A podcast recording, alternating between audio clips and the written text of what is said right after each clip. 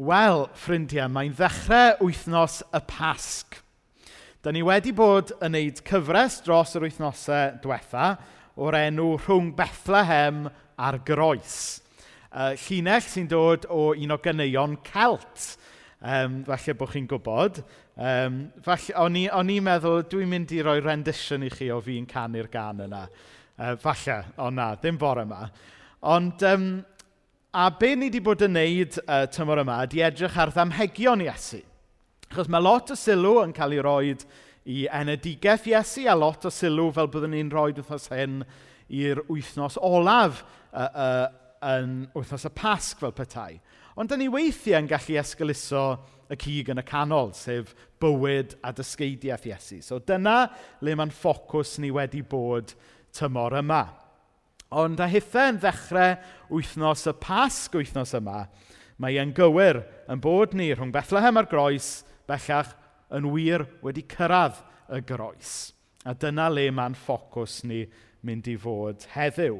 Yn arbennig, da ni'n mynd i adael i'r adnod gyfarwydd Iwan 316 fod yn ffocws. Ydy mae Dyw wedi caru'r byd cymaint nes iddo roi ei unig fab – er mwyn i bwy bynnag sy'n credu ynddo beidio mynd i ddistryw, ond cael bywyd tragwyddol. Felly, blant, dwi'n sylwi bod yna, bod yna rhai plant yma efo ni bore yma, a dwi'n gwybod fod yna uh, rai adre hefyd, gan yn bod ni um, bore yma mynd i fod yn siarad am y groes, yn arbennig mewn munud, byddwn ni'n gweld sut mae'r groes yn dangos cariad Iesu ato ni, Dwi eisiau chi yn syml iawn bor yma wneud llun o'r groes, a wedyn dwi eisiau chi wneud rhyw fath o calon o gwmpas y groes, a sgwennu a wneud lluniau o rhai peth o amgylch y groes sy'n wneud i chi feddwl gymaint mae Dyw yn eich caru chi. Felly, dim byd rhy gymleth bore yma, um, ond, ond rhywbeth bydd yn ffocysu a helpu ni feddwl am sut mae Dyw yn caru ni. Felly dyna yw'r gweithgaredd i'r plant bore yma. A wedyn gawn ni weld y lluniau sydd wedi cael eu creu ar y diwedd.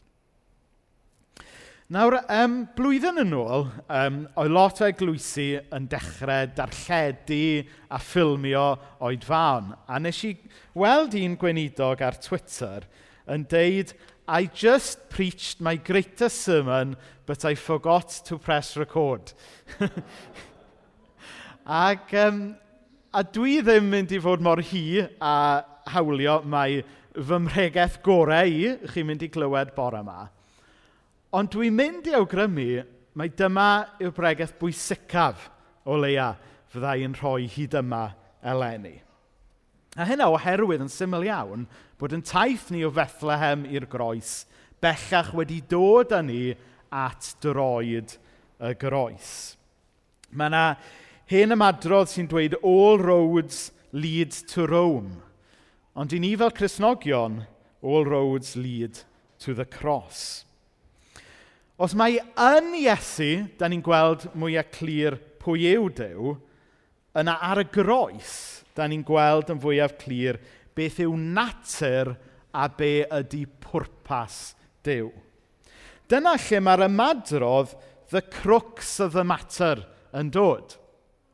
Um, crux yw'r gair Lladin am croes. Ac felly pan mae pobl yn dweud oedd the crux of the matter, be maen nhw'n glygu yw mai dyna yw y ffocws.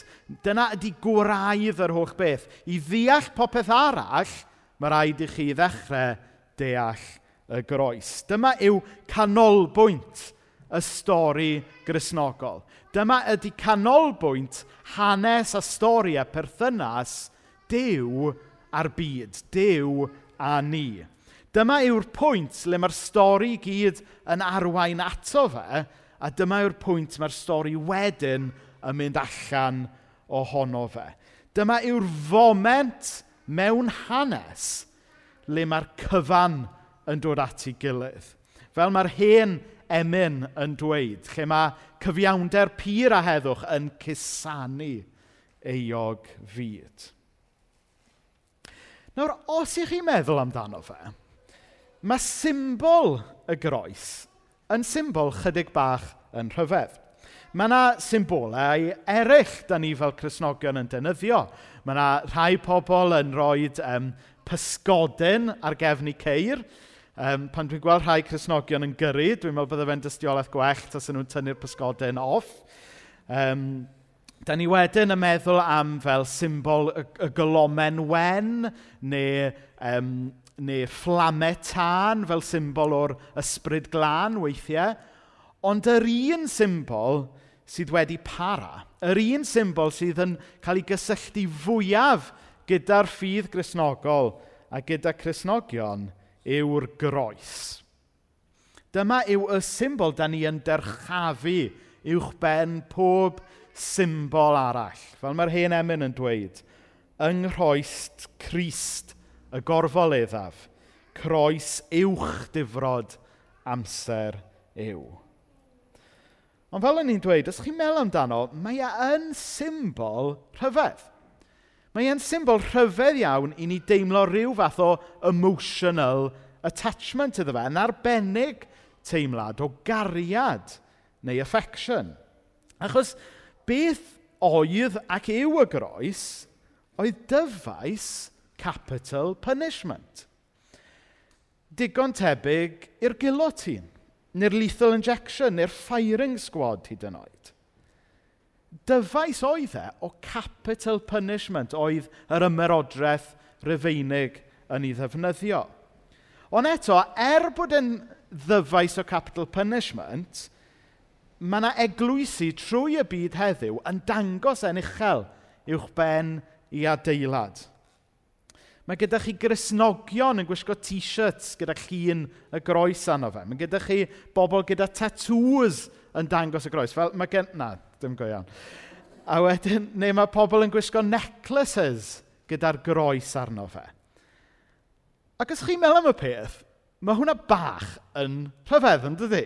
Hynny yw, dychmygwch os bydde Iesu Grist wedi cael ei ladd um, trwy'r gilotin, a bod gyda ni t-shirt efo llun o'r gilotin, neu bod gyda ni neclas gyda lethal injection ar y pen. Hynny yw, chi'n deall y bwyd fi'n neud?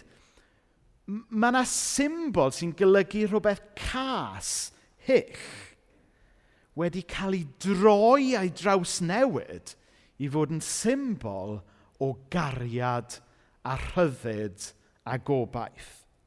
A dyna yw pam bod y groes mor anhygoel. Oherwydd dyna lle mae Iesu wedi cymryd rhywbeth, wedi cymryd system, wedi cymryd holl dywyllwch y byd, a'i droi yn symbol o ffydd, gobaith a cariad.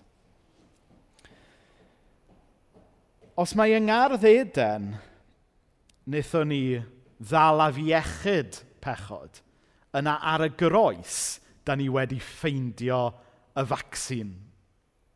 Nawr dros y flwyddyn diwetha, da ni'n gwybod beth ydy o i ffeindio vaccine yn dydan. Um, falle bod chi wedi gweld um, un, o, um, un o'r government advisors, Jonathan Van Tam. Dwi'n siŵr bod, dwi'n siŵr dyla'r boi na fod yn bregethwr, achos mae'r er mae, mae gyda fe'r illustrations mwyaf anhygoel yn y press conferences yma, falle bod chi wedi gweld nhw, fel, fel pan mae'n sôn am y vaccine a, a oedd yn dweud, it's like standing, waiting in the rain for the train. The train hasn't arrived yet, but you can see the light at the end of the tunnel. A wedyn oedd gyda fe um, delwedd arall ynglyn â penalty shootout. Ac um, tybod, your, your player is first up, he, he beats the keeper and scores the goal. You still haven't won the game, but you know the keeper can be beaten. The vaccine is a little bit like that. A mae'r ma illustrations gwych ma mae Jonathan Van Tam wedi dod fyny gyda i ddisgrifio y vaccine. Mae nhw'n illustrations gwych i sôn be mae'r groes amdano hefyd. Ydy, mae'r rhyfel dal yn cwmpas ni. Ydan, da ni dal yn byw mewn byd o boen, byd sydd wedi torri, ond mae'r groes wedi digwydd. Da ni wedi troi y gornel, mae'r fuddugoliaeth wedi i ennill. A mae hwnna'n atgoffa ni yn bod ni felly fel Cresnogion yn addoli dew croesoliedig. A mae hwnna'n rhywbeth rhyfedd i ddweud. Ni'n addoli dew gafodd ei groes hoelio. Dew gafodd ei ladd. Mae pob crefydd arall, fwy neu lai, yn addoli rhyw fersiwn o ddew pwerus, dew buddugol ieithus. Ond da ni yn dewis addoli dew gafodd ei fradychu, dew gafodd ei arteithio, dew gafodd ei groes hoelio. Yn hermau'r byd, da ni yn dewis addoli Duw sydd yn gochwr. Duw oedd yn loser. A mae hwnna'n od, yn dydy? Dyma yw scandal y ffydd grisnogol. Bod ni yn dewis addoli Duw gafodd ei hoelio ar bren. Ond yn y weithred yna, da ni yn gweld cymeriad a pwrpas dew. Dyma lle da ni'n gweld prydferthwch y groes. Dyma le da ni'n gweld sut mae Duw wedi troi y byd ben i weired. Achos nath Iesu, nath e ddim arw ar y groes er mwyn i ddew y tad newid i feddwl amdano ni, ond nath e o ferw ar y groes er mwyn i ni weld i galon e a'i gymeriad e a newid y meddwl ni amdano fe. Nawr, beth dwi'n golygu wrth hyn? Nawr, dwi'n yn gwybod os ydych chi wedi gweld rhai o'r um, lluniau yma um, ar y we yn ddiweddar. So, dyma'r llun cyntaf. Be, be ydych chi'n gweld yn y llun yma? Um, da chi ddim fod gweiddi allan, so neu, chyfo, gewch chi drio mwmian yna i trio gwrando. Nawr, y llun yma, mae yna rhai pobl yn gweld merch ifanc yn edrych allan dros y mynydd fel petai. Rhywun yn gweld y ferch ifanc dwylo fyny te yn ytrach na. Na ni. Ond mae yna rhai pobl yn gweld hen ddyn a'i ben ar y clustog. Pwy nath weld yr hen ddyn a'i ben ar y clustog? Na ni. Chi, oes rhywun ddim cweith wedi gweld e'n dechrau gweld e nawr? Oce, okay, so ymlaen at y nesaf. Y rhai pobl yn gweld Wolverine, mae hwn yn un o'r plant. Pwy sy'n gweld Wolverine yn y llun? Ond wedyn, mae rhai pobl yn gweld dau Batman yn edrych ar ei gilydd. Ie? Yeah? Okay. Yn dim mlaen at y nesaf, rhai pobl yn gweld hwyaden. Pwy sy'n gweld hwyaden? Ond eto mae rhai pobl yn gweld cwningen. Pwy sy'n gweld y cwningen? A wedyn, yn ola, mae rhai pobl yn gweld merch ifanc eto yn edrych allan. Ond mae rhai pobl yn gweld Sian Owen Tynafawnog, hen wraig, yn edrych lawr. Pwy sy'n gweld yr hen wraig? Na ni. Okay. Nawr, beth sy'n ddiddorol am y lluniau yma yw, felly bod chi'n gweld un peth, Ond mae rhywun arall yn gweld rhywbeth gwahanol. Ond falle ar ôl sych, sychu ar y llun am amser hir, bam, dych chi'n gweld be mae'r person arall yn gweld hefyd. Ac ar ôl gweld y rhywbeth arall, chi methu peidio i weld e. Er oedd yna gyfnod cynt, le oeddech chi ddim yn ei weld e. Ond ar ôl i weld e, chi methu peidio gweld e. You can't unsee it after seeing it, math o beth. Dyw e ddim fel bod be oeddech chi'n gweld cynt yn anghywir, just bod yna dimensions a perspectives gwahanol oeddech chi falle heb i werthfawrogi a'i weld yn gynt. A bore yma, dwi eisiau gwahodd pob un ohono ni i edrych ar y groes fel yna. Dwi eisiau ni edrych ar y groes a gweld prydferthwch ac ehangder a gwahanol ongle y groes da ni falle ddim wedi gweld cynt. Nawr dyma dri ongl mae gwahanol grisnogion yn gweld. Mae yna rhai pobl yn edrych ar y groes ac yn bersonol dyma yw'r yw'r ddealltwriaeth a'r persbectif o'r groes ar hyn o bryd yn fy mywyd i sydd yn fwyaf pwerus. Mae yna rhai pobl yn edrych ar y groes ac yn gweld mae yma mae'r byd a dynoliaeth sydd angen iachawr yn derbyn yr iachad. Y delwedd sy'n clymu orau gyda'r delwedd o'r vaccination fel mae'n digwydd. Falle mai dyna pan dwi'n offi y ddelwedd yma ar hyn o bryd. Ar y groes, Mae'r meddyg da yn gweinyddu i feddyginiaeth, i fyd, i ddynoliaeth, i unigolion sydd angen i achad o boi'n marwolaeth pechod a'r cyfan. Delwedd arall sydd yn y Beibl, a mae lot o eglwysi'n pwysleisio, ydy delwedd y llys barn, lle mae y, y ddynoliaeth a'r byd yn eog o drosedd pechod. Ac ar y groes mae cyfiawnder yn cael ei dalu. Chybod pan mae rhywun yn mynd i'r llys a mae yna farn yn cael ei dalu a mae rhai talu iawndal.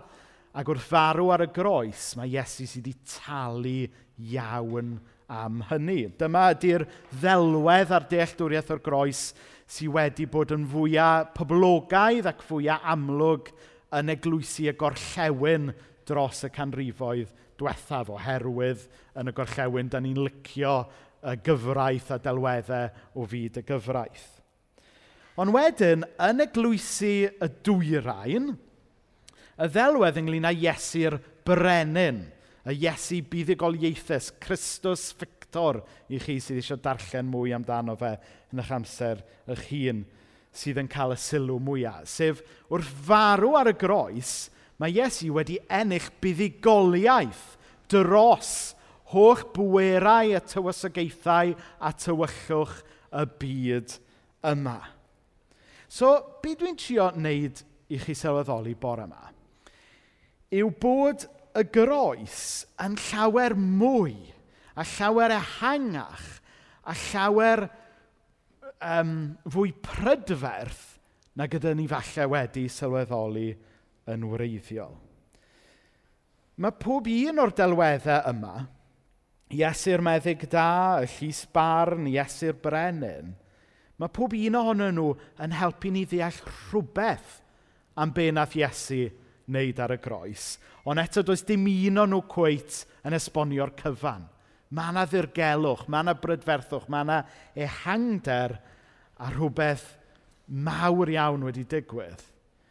Mae pob un o'r illustrations yma'n helpu ni ddod gam y nes i ddeall, ond does dim un o'n nhw cweit yn ei cyfiawnder gyda'r peth anhygoel yma na ddigwydd ar y groes. Oherwydd, dwi'n meddwl falle yn bod ni fel Cresnogion, yn hanesyddol falle hyd yn oed ar hyn o bryd, bod ni wedi mynd yn rhy het up ar beth yn union nath Iesu gyflawni ar y groes a bod ni wedi cochi golwg ar bwy nath farw ar y groes. Bod ni wedi mynd yn rhy bogd down ynglyn â'r theories yma, ynglyn â beth yn union nath ddigwydd ar y groes, nes bod ni wedi cochi golwg ar be mae'r groes yn dysgu ni'n bennaf ydy pwy nath farw ar y groes, sef Dyw, a beth oedd natur a cymeriad y Dyw yna. Dyw sydd yn llawn cariad tuag at fyd a dynoliaeth sydd angen i charu. Dyw oedd yn feddyg i fyd sydd angen iachad. Dyw oedd yn frenin i bobl sydd eisiau dilyn brenin gwell na brenhinoedd y byd yma. Os yw hagrwch y groes i weld yn yn pechod ni, yna mae harddwch y groes i weld yn maddeiant dwyfol dew drosto ni. Ar y groes i ni'n gweld cariad dew yn fwyaf clir. Ar y groes, wrth Iesu gael ei groes hoelio, Achos pwy nath groes hoelio Iesu, wrth gwrs, oedd pwerau crefyddol a gwleidyddol y dydd. Oedden nhw ddim yn licio i ffordd e. Oedden nhw'n meddwl bod, bod i ffordd e yn tanseilio i pwer a'i byd nhw. Ac oedd e yn. Ac i ni'n gweld Iesu yn marw ar y groes ac yn torri cilch dieflig, trais a phechod a gwneud maddeiant yn bosib. Ar y groes, i ni'n gweld fo well gan Iesu marw yn enw cariad na lladd yn enw rhyddid. Na weid hwnna eto. Ar y groes, i ni'n gweld Iesu yn marw yn enw cariad yn hytrach na lladd yn enw rhyddid. Iwan 3, 16 eto ydy mae Dyw wedi caru'r byd cymaint, nes iddo roi ei unig fab, er mwyn i bwy bynnag sy'n credu ynddo beidio mynd i ddistryw, ond cael bywyd tragwyddo. O dydd Gwener y Groglith ddim yn bennaf ynglyn â chyd ddwyfol, er, er bod Dyw yn ddiw cyfiawn sydd yn gweinyddu barn. Ond oedd dydd Gwener y Groglith yn bennaf ynglyn â cariad dwyfol. Achos nid geiriau Iwan 16 ydy casaodd Dyw y byd cymaint nes iddo lofruddio unig fab. Nid dyna yw'r efengil. Dyna'n aml mae po pobl yn clywed, ond nid casaodd Dyw y byd cymaint nes iddo lofruddio unig fab yw'r efengil. Ond yr efengil yw, carodd Dyw y byd cymaint nes iddo roi ei unig fab. Dyma yw cariad. Dyma ydy cariad aberthol Duw i'n prynu ni yn ôl, i'n caru ni. Dyma lle mae Iesu yn torri cilch dieflig trais a phechod. Dyma lle mae Iesu yn adfer a maddau byd toredig. Dim cocyn hitio diw blin oedd Iesu marw ar y groes – ond Dyw i hun yn marw, hunan aberth, yn tywallt i gariad, i'n achub ni o bechod, ie, yeah? ond hefyd i'n achub ni oddi wrth ni yn hunain. Nath Iesu ddim marw i'n achub ni oddi wrth ddiw. Nath Iesu farw i'n achub ni oddi wrth ni yn hunain, oddi wrth pechod, oddi wrth parwola, marwolaeth, oddi wrth pechod, oddi wrth pwerau, y byd yma. Cos ar y groes, mae Iesu yn tanseilio holl bwerau a tywysogaethau y byd yma. Mae Iesu yn cymryd holl bechod y byd arno fe ei hun ac wrth farw mae e'n tynnu fe i gyd lawr gyda fe. Chybod, um, meddwl weithio, pan, pan chi'n meddwl am chybod, gêm fel rygbi neu rhywbeth, A, a mae gyda chi rhyw chwaraewr mawr, um, a, a mae gyda chi'r chwaraewyr y tîm arall i gyd yn, yn ei daclo fe, a wedyn mae'r chwaraewr mawr yna'n syrthio lawr, ond wrth gwrs mae e'n tynnu rhai sy'n taclo fe i lawr gyda fe, dydy. A rhywbeth fel yna sy'n digwydd ar y croes, mae Iesu'n cymryd holl bechod y byd. Um, a mae hwnna'n digwydd ar lefel cosmic, ond hefyd ar lefel personol. Mae'n cymryd yn holl feian pechod ni, arno fe ei hun. Ac wrth farw, mae e'n tynnu nhw i lawr gyda fe. Mae'n bwysig bod ni'n sylweddoli sut mae Iesu'n gwneud hynny. Dyw e ddim yn gwneud hynny drwy gael rhyw one-up ar bwerau'r byd. Dyw e ddim yn curo pwerau'r byd mewn termau um, traddodiadol, ond yn hytrach mae e'n gwneud hynny drwy farw. Dyw e ddim yn curo i elynion, mae e'n marw dros ei elynion. A drwy wneud hynny, mae e'n cymryd i ffwrdd unrhyw bwer sy'n gan y byd. Achos dyna'r unig beth mae'r byd yn gwybod, ynddo fe, ydy pwer a trais. A, a, ac os byddai Iesu jyst wedi ateb nhw bod, mewn ffordd, yn yr un ffordd â nhw, fysa fe ddim yn fuddugoliaeth, ond mae e'n tanseilio y pwer sydd gyda nhw o arall eirio Obi-Wan Kenobi. Am hwn i ti, Paul, sy'n gwylio adre. If you crucify me, I'll become more powerful than you can possibly imagine. Oedd y rhyfeinwyr a pwerau crefyddol y dydd, oedd nhw'n meddwl bod nhw'n rhoi stop ar Iesu drwy groeshoelio fe. Ond actually, drwy farw dros i elynion, oedd Iesu actually yn tanseilio at hynny nhw i lawr. Mae Paul yn defnyddio'r ddelwedd anhygoel yma yn Colosiaid.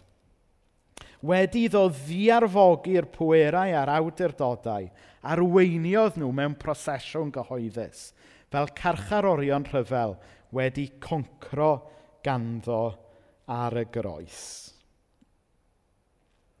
Yng Nghyst, ni'n gweld fod hi'n well gan ddiw farw dros ei elynion na'i lladd – A drwy wneud hynny, mae e'n tynnu ffwrdd unrhyw rym ac unrhyw bwer mae'r byd y meddwl sy'n ganddo fe.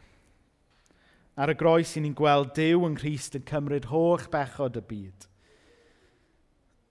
Mae e'n amsugno holl bwer y byd. Mae e'n amsugno holl bechod y byd ac yn tywallt allan maddeiant. Nes i rannu ar Facebook wrth os hyn ynglyn â un illustration bod, bod Iesu yn amsugno hoch bechod y byd ac yn ei ailgylchu fe ac yn tywallt allan maddeiant. A nath na un person dweud bod hwnna'n illustration hollol ofnadwy. ond, um, ond y pwynt ydy, mae'r groes yn cymryd mewn un peth. Mae'n absorbio, cymryd mewn, delio efo'n pechod. Ond mae'n rhoi allan maddeiant. Ac felly, ar ei faddeiant da ni nawr yn byw. Mae ddeiant sy'n gallu newid eich stori chi. Mae ddeiant sy'n gallu newid stori y byd yma. Mae ddeiant yw'r newyddion da. Mae'r byd yma angen i brofi. Achos ar y groes, da ni ddim yn gweld cyfiawnder dialgar, ond da ni'n gweld cyfiawnder adferol. Dwi am orffen drwy siarad chydig bach am hynna. Nawr, ar hyn o bryd, mae yna gyfres newydd o Line of Duty ar y teledu. Os unrhyw fans o Line, Line of Duty yma, mae Mena yn fan mawr o Line of Duty yn tu ni. So, bydd. Uh, so, fi'n meddwl mai fi fydd ar rhoi dy bechgyn i'r gwely duty heno. Tra fy Mena'n mynd at Line of Duty.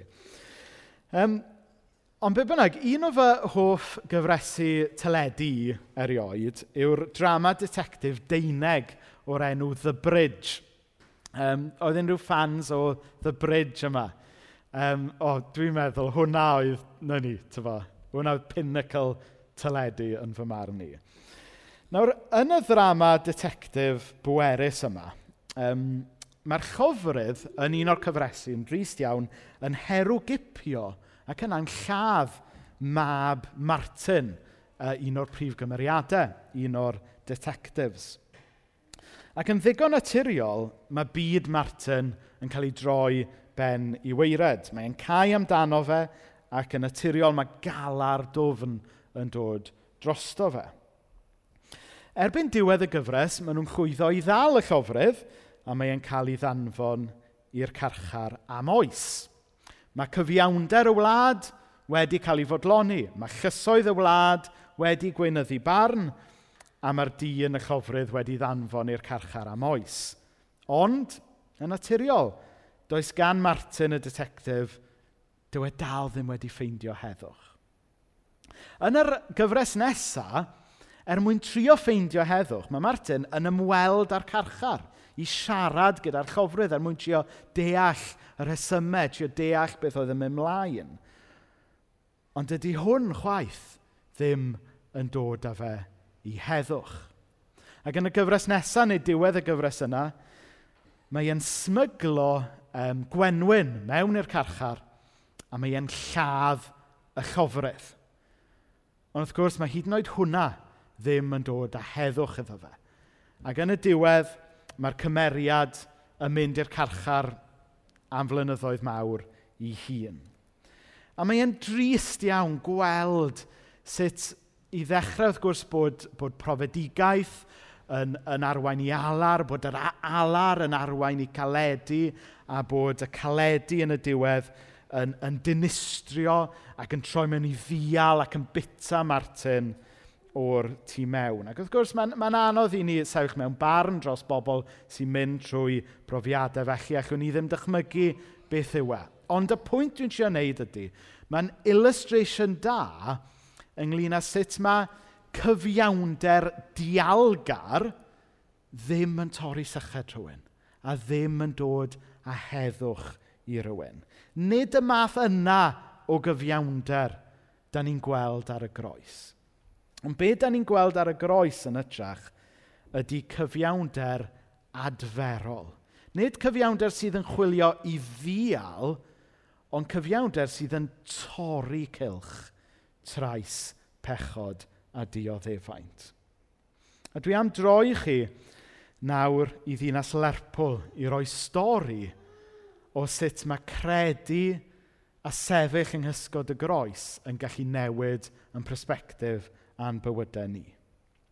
Nôl yn 2005, yn drist iawn falle bod chi'n clywed, cofio'r hanes ynglyn a gŵr ifanc o'r enw Anthony Walker yn cael ei ladd mewn ymysodiad hiliol yn ninas Lerpwl.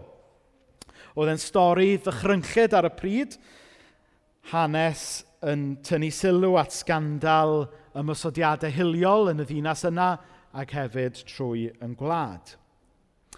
Ond beth oedd y sgandal mwyaf yng ngolwg rhai pobl? Oedd nid yr llyfryddiaeth ei hun, nid ochr hiliol y llyfryddiaeth, ond yn hytrach ymateb mam Anthony, sef gwraig yr enw G. Walker. Achos nath hi siarad yn gyhoeddus ar ôl yr achos llys ynglyn â'r angen a sut oedd hi a'r teulu yn dewis maddau i rhai nath lofruddio i mab. A dyma oedd ei geiriau hi ar ôl i'w uh, rhain a chyfruddio i mab cael life set, sentence. Dyma hi'n dweud, Well, what does bitterness do? It eats you up inside. It's like a cancer. We don't want to serve a life sentence with those people. Has my faith been tested? Lord, yes. My name's G, not Jesus. It's been hard, so hard, but I have to follow what the Lord teaches. Dyma chi wraig oedd wedi cyfarfod y Crist croeshoeliedig. Dyma chi wraig oedd wedi mynd a'i holl boen, a'i holl bechod, a'i adael awr droed y groes a codi fyny y maddeiant oedd Iesu yn rhoed yn ei chalon hi. A bore yma, ffrindiau, a ddechrau wythnos y pasg, gadewch i ni hefyd addoli y Crist croeshoeliedig. Gadewch i ni ddod a'n pechod. Gadewch i ni ddod a'n poen. Gadewch i ni droi ag edrych ar fyd toredig sydd wedi blino a dod ar cyfan at draed y groes.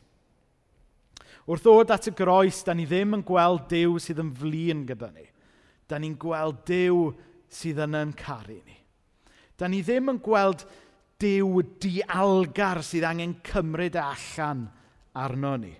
Ond da ni'n gweld Dyw sydd wedi setlo'r mater ei hun ar y groes. Da ni'n gweld Dyw sy'n troi ein galar yn ddawnsio. Dyw sy'n rhoi mawl yn lle llidw. Dyw sy'n troi cywilydd yn obaith. Dyw sy'n troi beddau yn erddi. You can see where I'm going with this. Dyw sy'n troi esgyrn yn fyddin, yn troi moroedd yn bryffyrdd. Yn y Duw croeshoeliedig, da ni'n gweld yr union fath o ddew da ni angen. Da ni'n gweld yr union fath o ddew mae'r byd angen. Ydy mae Dyw wedi caru'r byd cymaint nes iddo roi ei unig fab, er mwyn i bwy bynnag sy'n credu ynddo, Beidio mynd i'r ddistryw, ond cael bywyd tragwyddol. Yng Ngardd Eden, wnaethon ni gyd dal haint pechod. Ar y groes, da ni wedi ffeindio'r vaccine, pobl. Ac ar ddechrau wythnos y pasg, mae hyn yn newyddion da. Gen i blygu pen mewn gweddi, ac yn ystod y weddi, wnaeth y band um, ddod fyny. O ddiw dad, da ni yn diolch bod ni yn ffeindio yno ti iachad. Da ni'n diolch, mae yn y groes da ni'n cyfarfod yn meddyg da, bod ni fel pechaduried a byd toredig yn ffeindio doctor, bod ni'n ffeindio meddyg sydd yn rhoi iachad i ni. O ddiw dad, os oes rhywun yma bore yma, ni'n gwylio adre'n teimlo pwysau pechod arnyn nhw. Oedd yw dad wrth edrych ar y groes, i ni'n ffeindio a gweld fod ti wedi talu, wedi dod â cyfiawnder. Fod ti wedi talu iawn am yn pechodau ni. Oedd yw dad wrth i ni edrych ar y groes, da ni yn gallu gweld y brenin sydd wedi curo holl bwerau a tywysogaethau y byd yma. Nid drwy i curo nhw, ond drwy farw drostyn nhw.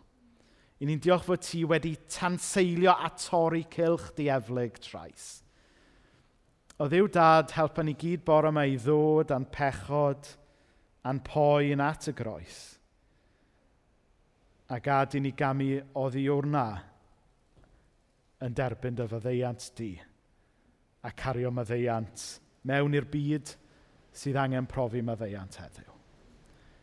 O ddiw dad, i ni'n diolch fod ti yn troi beddau yn erddi. Ti'n troi galar yn lawenydd a dawnsio. Amen. Chwiliau strwy'r byd Doedd ddim yn bodloni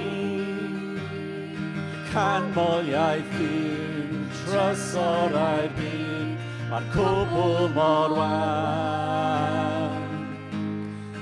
cyfforddais i. Iachai fy nghlwyfau dynion, roi gobaith a chan, fy chalon ar dan, drwy gariad i. O does dim byd sy'n well nag wyt ti ar goes dim, well na gwyd ti ar glwydd un byd. Dim byd sy'n well na gwyd ti.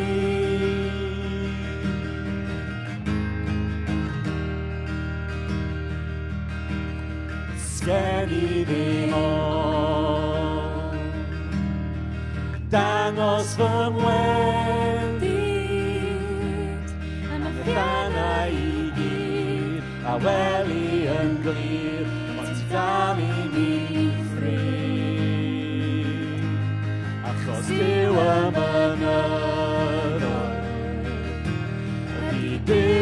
dy ffrwnoedd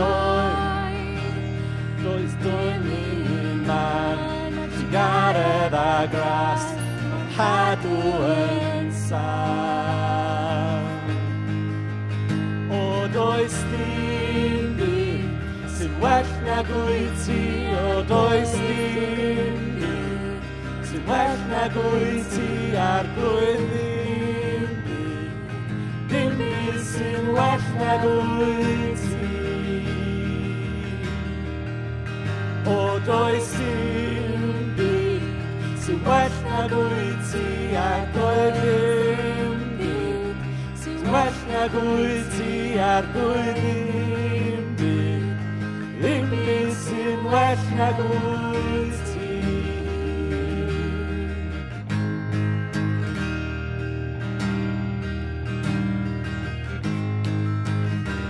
troi ngal ar yn dawnsio